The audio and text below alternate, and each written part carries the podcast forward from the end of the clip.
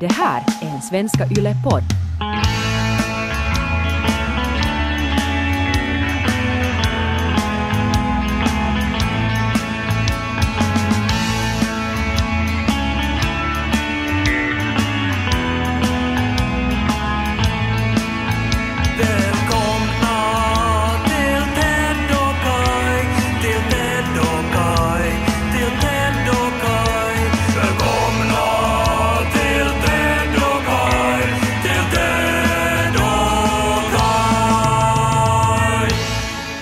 Visste du att det är jättetur att eh, ljud inte kan färdas genom rymden?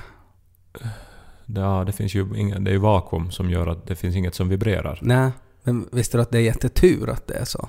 Nå, annars skulle man ju höra säkert explosioner och så här kärnexplosioner. Ja, för visste du att solen eh, har alltså 290 decibels ljud hela tiden? Och att om rymden skulle kunna ha, alltså att ljud skulle färdas genom rymden, så ska det hela tiden vara ungefär 190 decibel. Alltid när solen lyser. Alltså att det skulle låta ungefär som en enorm borrmaskin som hela tiden skulle borra så fort solen lyser. det, här, det här skulle ju dock säkert ha inverkat på hur vår hörsel skulle ha utvecklats. Ja, antagligen så skulle vi ju ha typ eh, evolverat så att vi inte skulle höra just det spektrumet. Men, men det, är, det är ju roligt nog den här att liksom man, man... Alltså det är tyst på natten och då är man som att yes. Och så börjar man höra Så blir det starkare och starkare. Och klockan 12 när det är liksom högst upp så är det som högst då att... Och så var man till Spanien, kommer ut ur flygplanet. Och på midsommar går folk med såna här dubbla peltorsskydd. Puen purmu puut vuossar bottning Som talar sitt så popna popcorn Så börjar vi Popnu denna popcorn Så börjar vi Lys på Ted och Kai Hur länge sedan vi har poddat? Ja, sex veckor. Ja. Och ett helt liv känns det. Ett helt liv. Ja, men jag känner att, att livet nu är annorlunda än det var för sex veckor sedan. För Då det låter har, det som du har haft en ganska bra semester. jag har liksom gått igenom ett sånt här stålbad, heter det väl? Stålbad. Ja, stålbad av liksom nya upplevelser och känslor. Varför heter det stålbad? Nå, för att efter det så är alltså det, det är som det kraftigaste badet. Man är helt rentvättad. Man är, man är liksom... Men alltså att någon tvättar det med stål? Ja, men, tänk nu Terminator 2, vet du, flytande eh, järn. Ja. Och sen ramlar man ner i det.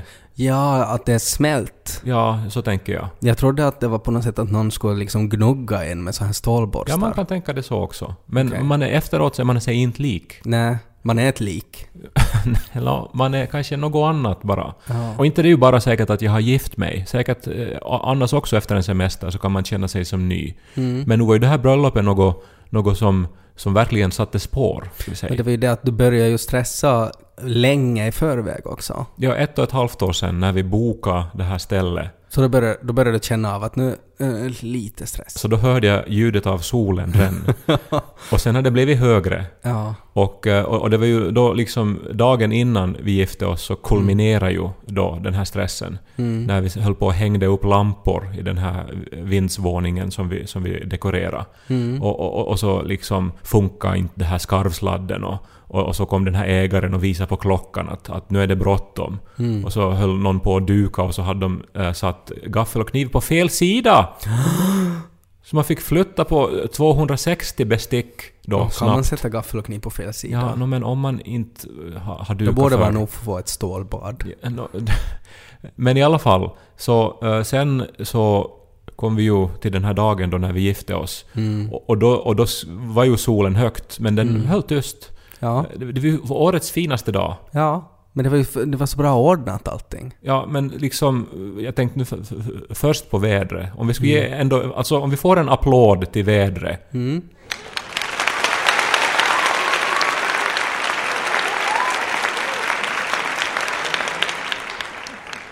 Det var ett bra väder. en del av mig är ännu så här för att jag har läst en miljon insändare och artiklar om hur Gud hatar homon över, alltså i, i mitt liv. Ja. Och de skrivs ju ännu, inte lika mycket som förr, men de Nej. skrivs ännu de här artiklarna med nya fräscha argument Mm. om varför Gud hatar homon. Men jag tänkte ju ändå att, att det skulle vara viktigt nu att det skulle vara bra väder. För att om det liksom åskar och, och, och, och blåser och den här eken som vi gifte oss under, om den Mm. ramlar på alla gäster, så då är det ju ändå ett tecken på att Gud kanske ändå inte tycker om homon. Eller om det ska komma en komet. Ja, då, det skulle ha varit riktigt tydligt. Jag läste det att det var ett, ett eh, slag, alltså en strid mellan, jag tror det var Rom, jag kommer inte ihåg riktigt vem det var, men att de hade liksom just eh, satt fram alla sina härar och så skulle de börja slåss. Herrar. Härar. Alla sina härar. Eh, och så riktigt där i mitten så kom det en enorm komet och landa. Och så var de bara sådär att ska vi kanske slåss en annan dag? Och så gjorde de det. Ja, det är Så som, det skulle vara lite samma det, att, att om Gud skulle skicka en enorm komet som skulle ha liksom kluvit den där eken mitt i tu, skulle ni ha gift er någon annan dag då? Jag bara kom osökt att tänka på filmhistoriens kanske alltså mest störande scen i den här Mel Gibson-filmen Apocalypto. Alltså då, då när det är som mest spännande, så just då råkar det komma en solförmörkelse och lös allting. Ja. Och, och- det är som inte bara att den dagen, utan typ just när Mel Gibson ska halshuggas, så då, då går det... Då visar Gud att han älskar Mel Gibson. Fast Mel Gibson var inte, var inte med i Apocalypto. Han regisserade den. Ja, men han Du tänker på liknar, Braveheart, han liknar Mel Gibson. Fast huvudpersonen var ju typ en sydamerikansk eh, ursprungsbefolkningsskådespelare. Så han liknar ju inte Mel Gibson. Ja, men du tycker ju att min sydamerikanska jacka är rysk också, så att eh, alla kan vi ju ha fel. Okej, Ja, det var en grej på Instagram igår. Vi kanske återkommer vi till kan den senare. återkomma till den. Men hur som helst, så det här kom det ju ingen komet, utan tvärtom var det vindstilla, 26 grader, Mm. otroligt vackert, lite molnigt så att fotografen skulle få bästa möjliga ljus. Ja. Och eh, så, så var vi ju där under en 380 år gammal ek Mm. som, som inte ramlade. Och det var till och med så, för vi anlände till festplatsen eh, på en tandemcykel. Mm. eh, som var dekorerad med blommor och så. Och då hade vi liksom en ha- halvtimme innan vigseln började så, så stod vi gömda, jag och Niko, bakom ett fähus ungefär 300 meter bort. Ja. eh, Så att människor skulle då kunna ta sig till den här eken och vi inte se oss. Och sen då när vi, vi hörde att musiken började spela så kom vi cyklande då eh, längs en sån här grusväg mot eken. Och två minuter innan eh, vi inledde vår cykelfärd så kom plötsligt en barnfamilj gående längs den här grusvägen. Och under hela dagen hade ingen gått längs grusvägen. Nej. Men just då så kom en barnfamilj. Och då tänkte ju jag, eh, då, hörde vi liksom musiken spela. Vi kommer då två män på en tandemcykel. Det är ju inte en skill man nödvändigtvis är så bra Nej, nej, nej. på, att cykla tandem. Nej. Men vad skulle vi ha gjort om vi skulle ha cyklat på de här barnen just då? Så Gud skickade inte en komet, men han skick- skickade en, en kärn heterosexuell familj. Vilket ju då skulle ha varit symboliskt på något sätt. då. Ja, och så skulle ni då ha liksom ramma den där familjen och flickan skulle måste fara till sjukhus och... Ja, och, och de skulle ha gråtit och, och så Ja. skulle de säkert ha skrapat knäna. Mm, ni skulle ha fått blod på era fläckfria kavajer. Ja, och, och vad skulle man ha gjort? För där stod ju då 130 människor och musiken spelade och den här uh, häradsskrivaren från magistraten stod redo och väntade på att viga oss. Ja. Och så måste vi stå där och börja liksom Oj, oj, nej men nej, så ska vi ringa ambulansen? Och, och så arga föräldrar. Ja. Det var nog tur att ni inte for på dem. Men det var så mycket som skulle ha kunnat gå fel. Mm. Och därför är det så otroligt att, att inget gick fel. Nej. Det var Det- ju kanske den, den... Alltså alla omständigheter eh, var bara på vår sida. Det var så roligt för jag såg eh, att det fanns en sketch också. Jag tror det var Saturday Night Live som hade en sketch för eh, antidepressiva för gay sommarbröllop. Jo, jag såg den också. Ska vi spela upp en liten snutt ur den? I'm getting invited to so many gay weddings. They're all gonna be so perfect, and that stresses me out. Well, don't worry, because now there's new Xanax for gay summer weddings. Överraskande rolig för att vara SNL som jag tycker Ja. har blivit lite eh, så här blekt Jag har inte åren. sett SNL på jättelänge, men, men det var så passande för att det var ju precis sådär det var. Alltså sketchen handlar ju om att du behöver antidepressiva för att gay sommarbröllop är så mycket bättre än dina tråkiga heterosexuella bröllop. Och att allt var så perfekt ordnat. Och det var ju faktiskt det. Nu var ju jag med och ordnade också. Ja. Det var ju, måste man nog säga till dig Ted, här Mm. nu, att, eh, att nu vet jag ju att du är bra. Mm. Men det var ju som, alltså om jag till exempel nu skulle, skulle liksom be dig ordna min begravning, Ja. så då, då skulle du säkert fixa det också. Men nu gick du som verkligen out of your way och du liksom byggde en pyramid till mig. Kan vi säga. Ja. Alltså nu var det ju inte en begravning. Nej. Nej, men jag menar att du, att, att du som vet du verkligen gick den här extra milen Ja. och gjorde något, eh, något som man kommer att minnas i evigheter. Jag balsamerar dig. Nå, typ. Alltså jag bad dig om en vanlig kremering, jag fick Ja. en eh, balsamering, en pyramid och en sphinx. Ja. Farao Forsström.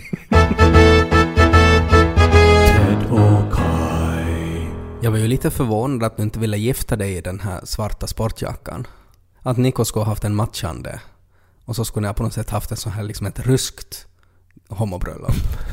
Nå, nu får ju homosexuella inte gifta sig i Ryssland, så det där Nej. en ganska känslig eh, sak. Nej men jag tänkte att det skulle ha varit som själva grejen där, som en ståndpunkt. När du uttryckligen tycker så mycket om så här östslaviskt mode. Nej men vad är det där nu? Alltså så här är det ju nu då, för er som inte har följt med den här dramatiska grejen då. Ja, Kai har en jacka som ser ut som en sån här... Alltså, så, som är väldigt förknippad till... No, alltså Det- östeuropeisk mafioso-stil. Nej, det här är som sagt en sportjacka designad för det chilenska fotbollslandslaget. Så den är Mm. ju sydamerikansk den här jackan, de facto. Ja, Och lite eh, som Mel Gibson. den är också väldigt spridd över hela världen för att Ja. den är så otroligt snygg. Ja, men- Plus sällsynt svår att få tag ja, i. men väldigt populär. Hur länge tror du att jag jagade den här på nätet innan jag hittade den? Fem minuter. Nej, alltså säkert ett halvt år innan jag hittade i min storlek eh, Så den ett modell halvt år var du varje dag på nätet och googla chilenska fotbollsspelare. Så här är det om man vill se bra ut, Ted. Okej. Igår la jag då en bild av den här jackan på Instagram och Mm. skrev då att Ted Forsström tycker tydligen att jag ser eh, östeuropeisk ut i Ja. den här. Och så med under eh, texten då att vilken liksom fånig sak att säga. Ja, var det någon som höll med mig? Nå, sen kom det ju då eh, ett oanat flöde med kommentarer. Att det var folk som höll med mig? Vä- Väldigt många höll med, Ja. Mm. höll med dig nog. Och sen sa många då, eh, alltså över tio räknar jag, som Mm. bad om precis samma sak. Ja. Att jag skulle göra en sån här slavikyky. Ja. Vad, vad är det på svenska då? Nå, kanske en slavisk knäböj. Ja. En eastern squat. Ja, att man får sådär ner på knä och röker en ihoprullad tobak när man just har begått ett brott. Ja. Nå, då mindes jag ju då att för några år sedan så var det ju en grej på nätet det här då, slavikyky. Och så, och så var det roligt. Det var väl någonting som Putin gjorde och så började folk håna honom för det. Ja, Och, eh, men så gjorde jag då en sån här slavikyky. Trodde jag. ja, ja, jag har ju sett den här bilden. Och, och det är ju på samma sätt som att om någon ber en att, att hej, att skulle du kunna, skulle du kunna göra tummen upp? Och så, så, så, så spärrar du med lillfingret istället. så, att, att det var ju inte en slavikyke som du Men gjorde. här, alltså tummen upp, då, det är ju tummen och riktningen är upp. Ja. Slavikyky är ju en meme för några år sedan. Ja, men men det- jag visste ändå att tydligen så ordnas det arbetskurser i slavikykyn. För nu hörde alla de här arbetskursledarna, alltså över 20 stycken, hörde av sig och sa att man ska ha hälarna i marken då man gör en slavikyky. Ja, men det var... Det, Men vem vet det? jag visste inte heller exakt vad det var som var fel, men jag såg ju direkt att okej, det där är inte en slavikyke, det där är inte rätt. Men- så där ska det inte se ut. Men det var så intressant för att jag har eh, många gånger eh, tänkt på att vi lever vet du, med, med, med hu- hundratusen parallellvärldar om, omkring oss som vi inte känner till. Nej. Vet du, som parallelldimensioner som man kan öppna med en sorts eh, magisk pistol. Ja, Jag vet inte hur science fiction magiska funkar. pistoler. Ja, bra. men hur som helst nu då, att nu fick jag ett fönster in till en värld som har tydligen funnits omkring mig. Arbetskurser i Slavikyken. Nej men att folk känner till detaljer kring slavikykyn. Ja. Och att det är som allmängods. Ja. För det är så många som har, som har hört av sig. Mm. Och dessutom om en sån här liksom liten detalj. För det ändrar inte på grejen. Jag gjorde ju en kyky med den där jackan nu då. Ja, fast nej. Inte riktigt. Det såg mer ut som du på något sätt åkte en cykel. Mm, Men så du tycker nu då att vi borde ha gift oss eh, Nej, i var, den här jackan? jag var kanske förvånad eftersom jag visste inte att den var så viktig och så stor del av ditt liv, just den här jackan. Så därför så tänkte jag att men kanske, kanske det skulle kunna vara en bröllopsjacka. Men eh, tyckte du att vi hade stiliga kostymer? Vi hade otroligt stiliga kostymer och sen fick jag en, en fråga också eh, på bröllopet att är det en grej att ska man ha fluga på gaybröllop? Nej, alltså jag tror För att... ni hade fluga och jag hade också fluga. Ja men är det någon som har slips just nu? Alltså den, det, i vår tid just nu så har man inte slips. Nu är det väl väldigt många. Nej men eh, du, Barack Obama. Åtminstone. att ha slips just nu är ungefär som att man säger att hej, gör tummen upp och så visar den andra lillfingret. Okej, så man ska inte ha slips? Nej. Bra. Du hade ju... Alltså, alltså jag vet inte, det är ju inte så ofta jag ser dig i kostym. Mm. Men nu, nu hade du dessutom en sån här väldigt eh, så här modern och liksom No, välsittande, men för att ni har, sa kostym. att jag måste ha en blå kostym. Nå, inte var vi väl nu så här hårda. Vi ville ju nog att du skulle att, trivas. jag tror att, att jag hade ett samtal, det stod att nu ringer Bridezilla. Och så var det, hörde jag i bakgrunden solen ah! Fast det var kanske Nico. Eh, och så skrek du att du måste ha blå kostym! Och så frågade jag liksom att vilken sorts blå? Liksom ultramarin eller yle turkos? Det finns många olika. Och så skrek du bara blå! Och så satt du på. Eh, så jag hade köpt en ny kostym en gång för det bröllopet. Mm, bra att den inte var ylleturkos, som annars är en, en färg som, som inte borde komma tillbaks. Det skulle vara väldigt roligt nog att haft en sån färg. Ja, men det här... men du hade ju en väldigt fin kostym. Mm. Och sen, eh, utom då att du då ordnade en stor del av den här festen, höll i trådarna, fick folk att trivas, så plötsligt så reste du ju dig upp då och höll... Alltså det har ju kallats efteråt för det bästa bröllopstal som har hållits. Jag fick ett mail från eh, en person eh, inom förlagsbranschen, alltså som, som jobbar med texter. Alltså det här är kanske, ska vi säga, alltså böckernas Messi. Ja. Alltså, alltså verkligen inflytelserik, skicklig, liksom en auktoritet på alla sätt. Ja, hon mejlade mig och hon skrev att, eh, att det här var den bästa text som någonsin skrivits av någon. Och det är ju ganska bra. Men grejen var att under festen, så visst, människor kom och gratulerade mig och Nico och, och, och, och sa liksom att åh vad roligt att ni är gifta. Men den näst vanligaste kommentaren var att alltså Ted Forsström, alltså det där talet. Ja. Aldrig har vi hört ett så bra tal. Nej, att de kom egentligen att gratulera er att ni hade mig som best man. Ja, alltså mera än vad de var glada över att vi har gift oss nästan. Det är nog ganska bra det. Och, och, och liksom, det, det var som... Jag, jag också bara, när, när du höll på, för det här talet var ju ändå också så här att man hann, vet du, försjunka i det. Det var som inte ett sånt här snabbt, kort Nej. läppetal bara. Nej. Utan det hade ju liksom en dramaturgi och så Ja. vidare. Eh, Och, och, och, och att jag satt och tittade på det, att, att, vänta nu, det är någonting bekant över det här. Jag hade en déjà vu-upplevelse när jag hörde talet. Okej. Och det var ju konstigt, för det här talet var ju ett sånt som... Alltså det innehöll ju saker som du aldrig har sagt till mig. Eller Nej. som... Jag menar, inte har vi ju haft den här situationen tidigare. Nej, du har ju inte gift dig förr. Nej, men sen insåg jag att, att det här är kanske mina drömmars tal. Att- det här är kanske det jag har drömt om att skulle hända. Och det var därför du fick en déjà vu. Jag, jag har analyserat det så. Det är ju på gränsen till psykotiskt det. Nå, man, man gifter sig, det, det är så mycket känslor. Ja. Eh, Men, men alltså verkligen, jag, jag vet inte varifrån det här kom alltså. Nej. Nej, det, det, var, det var ju ett helvete att skriva tal åt en författare och en lärare. Eh, och, och veta att, att det finns liksom det, det, eh, människor i publiken som också jobbar med texter och skådespelare och sådär som är bra på sånt där.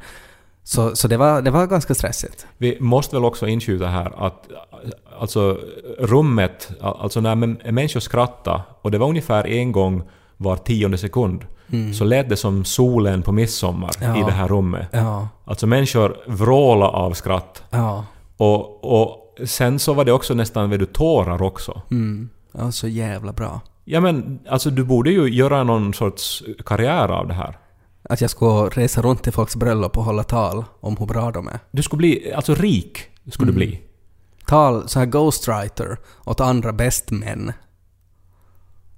Kanske, kanske avslutar vi det här podden med att läsa det här talet. Nej, Jag vet inte, alltså är det, är det en risk nu då? Mm. Jag menar för att det Att här det var ju till skit. mig. Ja. Eller till oss, mig och Mm. Niko förstås. Ja. Men mest riktades det till mig. ändå. Ja, men samtidigt är det ju så många människor som lyssnar på den här podden också som gick miste om ert bröllop. Så, så här ska de åtminstone få en liten inblick i att här fanns liksom ribban. Att det var i den här stilen det var. Men jag tänkte ofta så här när jag var kristen, så jag tänkte liksom att den ultimata gåvan till Jesus, Mm. för, för jag höll på och skrev låtar och sånt, Till Jesus. ja, att jag då skulle... Tänkte så- du att det var liksom sådär att vad skulle Jesus vilja ha? Nej, men en, Nå, en låt. Ja men nu ska man väl bli glad om någon skriver en låt om en. Nå, ja, I alla fall Mm. så skrev jag- ju då såna här annars också, men jag, jag tänkte att vore inte den ultimata gåvan att den bästa låten som jag skriver, Mm. att anta att jag skulle ha skrivit vet du, ”Yesterday”, Ja, men jag skulle aldrig spela upp den för någon. Den skulle bara vara till Jesus. Just det. Så att det skulle vara den ultimata gåvan då, att inte så att säga... Att ingen annan skulle Ja, få. att, att jag skulle bara ha låten i mitt huvud. Men varför skulle man, om man skulle vara Jesus då, så varför skulle man värdesätta det mer? Nej men det är väl, alltså det är bara till dig. Ingen annan får... Men då skulle man ju vilja läsa någon recension av någon sån här jätteerkänd skribent som ska också skriva att satan vilken bra låt. Så man inte bara sitter där och tror att tänk om den är skit. Men mer att Jesus sitter och liksom skannar eh, liksom Helsingin Sanomats Nej men att ibland, att om, om man bara själv har sett någonting så ibland är det svårt att veta att ja men är det här faktiskt, jag tycker det här är bra men tänk om det bara på något sätt att, att, det inte är det. Så Ja. det är ju bra att få någon annan bekräftelse också. Nej men eh, om Jesus hör Yesterday så hör han väl att det är en fin melodi? Ja, Ja. Och så skulle det bara vara till honom. Men hur som helst, det jag tänkte var ju då alltså att det här talet var ju kanske din finaste gåva någonsin till mig. så att jag borde bara ha skrivit det och bara gett det åt dig. Att jag borde aldrig ha läst upp det egentligen. Nå, i och för sig, det, det, det fick ju nog ett stort mervärde av Ja. att människor uh, reagerar. Ja. Så borde, ja. Nå, du får bestämma vad du vill göra med din finaste gåva. Jag tänkte säga några ord. Jag har som sagt känt Kai i 20 år. Vi har bott tillsammans, vi har jobbat tillsammans, vi har vuxit upp tillsammans. Vi känner varandra så bra som två människor kan känna varandra, skulle jag säga. Som Kais bestman så har jag ju tänkt extra mycket på Kai den senaste tiden. Jag har funderat på vad Kai egentligen har betytt för mig, vad vår vänskap har inneburit i mitt liv. Ni vet i tecknade filmer, de kan ha en liten ängel och en liten djävul på axlarna som viskar och föreslår saker åt en. De har Kai varit åt mig. Ted, ska du inte ta en cider? Ska du inte ta en tobak? Ska du inte köpa en Macbook Pro? Ska jag vara riktigt ärlig så tror jag att genom åren så har Kai nog mest varit den där djävulen. Men han har också varit ängeln. Ted, ska du inte flytta tillsammans med mig till Åbo och studera? Ted, ska du inte berätta åt henne hur mycket du tycker om henne? Ted, jag tror du skulle passa i skägg. När jag riktigt tänker efter så är de allra flesta sakerna jag har gjort för första gången i mitt liv tack vare Kai som föreslagit det. Vissa saker har fastnat, andra har jag bara testat på och sen snabbt konstaterat inte var det för mig. Som kristendom och att raka pungen. Kai brukar säga att jag inte har sinnen. Det här betyder att jag inte upplever känslor och händelser lika starkt som Kai. Min sambo brukar till och med hålla med och säga att ibland Ted är du som en robot. Skulle jag ha känslor så skulle jag bli upprörd. Men grejen med Kai är att det är väldigt få människor som upplever saker lika starkt som honom. Jag tror att det här är något som han fått av sin mor, som väl ännu inte kom över Jari Sillanpääs knarkskandal. Om Kai är med om någonting som han tycker är bra, så tycker han inte att det bara var bra. Han tycker att genom hela världshistorien så har det aldrig inträffat något som är ens i närheten så bra som det Kai just var med om. Så när Kai en vacker dag kom och sa åt mig att Ted, jag har träffat den vackraste, den roligaste, den sexigaste Homo sapiens som någonsin vandrat på vår planet, så var jag ju förstås skeptisk. Han ser exakt ut som Jude Law! skrek Kai. Åh! Och höll sig om hjärtat och skrevet samtidigt. Jag tänkte, okej, Kai har varit full och träffat någon på krogen. Och sen visade det sig att det var exakt det som hänt. Det första jag frågade var hur gammal är han? Kai sa att han fyller 25 om några år. Och så såg jag att han googlade Soja Ikaraja Lappi. Han var från Askola. Han sysslade med teater. Han skulle bli till teckningslärare i Lappland. Jag hade aldrig hört en kombination av ord som luktar mer arbetslöshet och tunga droger än det där. Kaj var det oskyldiga lilla Mumintrollet som blivit förhäxad av någon sorts Borg och Snusmumriks knarkmunspelande. Eller är det kanske lite som att ha ett fadderbarn i Afrika, tänkte jag. Att Kaj hade tagit på sig ett projekt och skulle livnära den här unga spurgon en tid med hopp om att det kanske skulle leda till en spännande romanintrig. Gräset är mörkare på andra sidan och lättare att få tag på. Nå, spelar ingen roll sist och slutligen tänkte jag. Nästa helg hemförlovas en ny kontingent millepojkar från Raxvik. Det får nog Kaj att glömma den här Niko. Till all lycka så visade det ju sig sen att Niko inte alls var så som jag trodde. Han var trevlig och smart och snäll. Den enda drog han sysslade med var Pokémon Go. Och han var faktiskt lika snygg som Jude Law. Tydligen så kan till och med robotar ha fel. Av alla människor i mitt liv så är det Kai som har format mig mest. Genom att vara den här djävulen och den här ängeln så har han lyckats programmera den här roboten att göra saker som helt enkelt inte fanns i manualen. Utan Kai så skulle jag antagligen fortfarande bo hemma på vinden i Pormo hos mina föräldrar. Det här är inte ett skämt, det här är fakta. Fråga mina föräldrar, de sitter där. Jag tror att vi människor blir vårt slutgiltiga jag endast i kontakt med andra. Vi formar och formas av varandra. Vi är änglar och vi är djävular på axlarna åt varandra. Kai har format mig till den människa jag är idag och jag kommer alltid att vara honom tacksam för det. Jag är totalt övertygad om att om två bra typer påverkar varandra samtidigt så blir de till ännu bättre typer tillsammans. Det här båda mycket gott för Niko och Kai. Tillåt er att formas av varann. Till sist så skulle jag vilja säga en sak till Niko. Och eftersom jag saknar sinnen så ska jag försöka säga det på samma sätt som Kai brukar säga saker. Niko, Kai är den mest begåvade, den roligaste, den ädlaste mannen jag vet. Han är min bästa vän och han har intensifierat mitt liv på ett sätt som är fysiskt omöjligt att mäta. Om Kai är ens hälften så bra äkta man åt dig som han har varit vän åt mig så har du ett fantastiskt satans liv att se fram emot. Bra jobbat.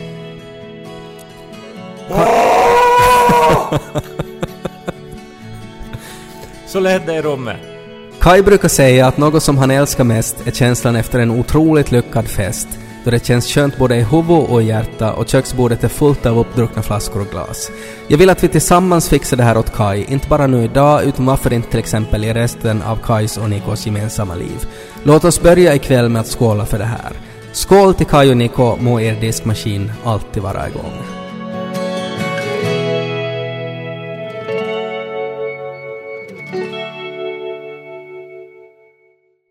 Men det, det, är ju, det är ju... Alltså nu hör jag dig igen då efter, efter eh, två och en halv vecka. Eh, och eh, det är ju fortfarande lika starkt och, Ja. och lika drabbande. Ja. Och, och, och, och som sagt, alltså reaktionen i rummet var ju... Alltså människor var, var ju som vet du, mos. Alltså, mo, alltså ett, ett känslomos efteråt. Och Alltså, den här pyramiden jag byggde. Ja, men folk förstod ju inte hur det där var möjligt liksom. Eh, Och, eh, och, och, och människor grät och hade kramp i ansiktet och, och så vidare. Och, och det var snor och näsdukar och allting. Eh, Men, men jag menar, det där visar ju att du nog ändå har känslor och, och sinnen någonstans. Eller har du hitt, är det som någon riktigt avancerad algoritm det här nu? Som, Det kan som kan säga. emulera? Det första som Kai sa efter det här bröllopet var så att, att han kom och viskade åt mig att alltså är det Janika som har skrivit det där? Men det skulle inte ha varit omöjligt. Det, det, det är mera Janika än, än, än dig i den Ja. här, i, den- i den här Men kanske nakenheten. det, kanske det är det också. Jag menar just det här som jag var lite inne på, att man formar och formas av varandra. Hon har ju också format mig, lika som du har format mig. Så kanske det är liksom att jag åtminstone har lärt mig att emulera människor med sinnen.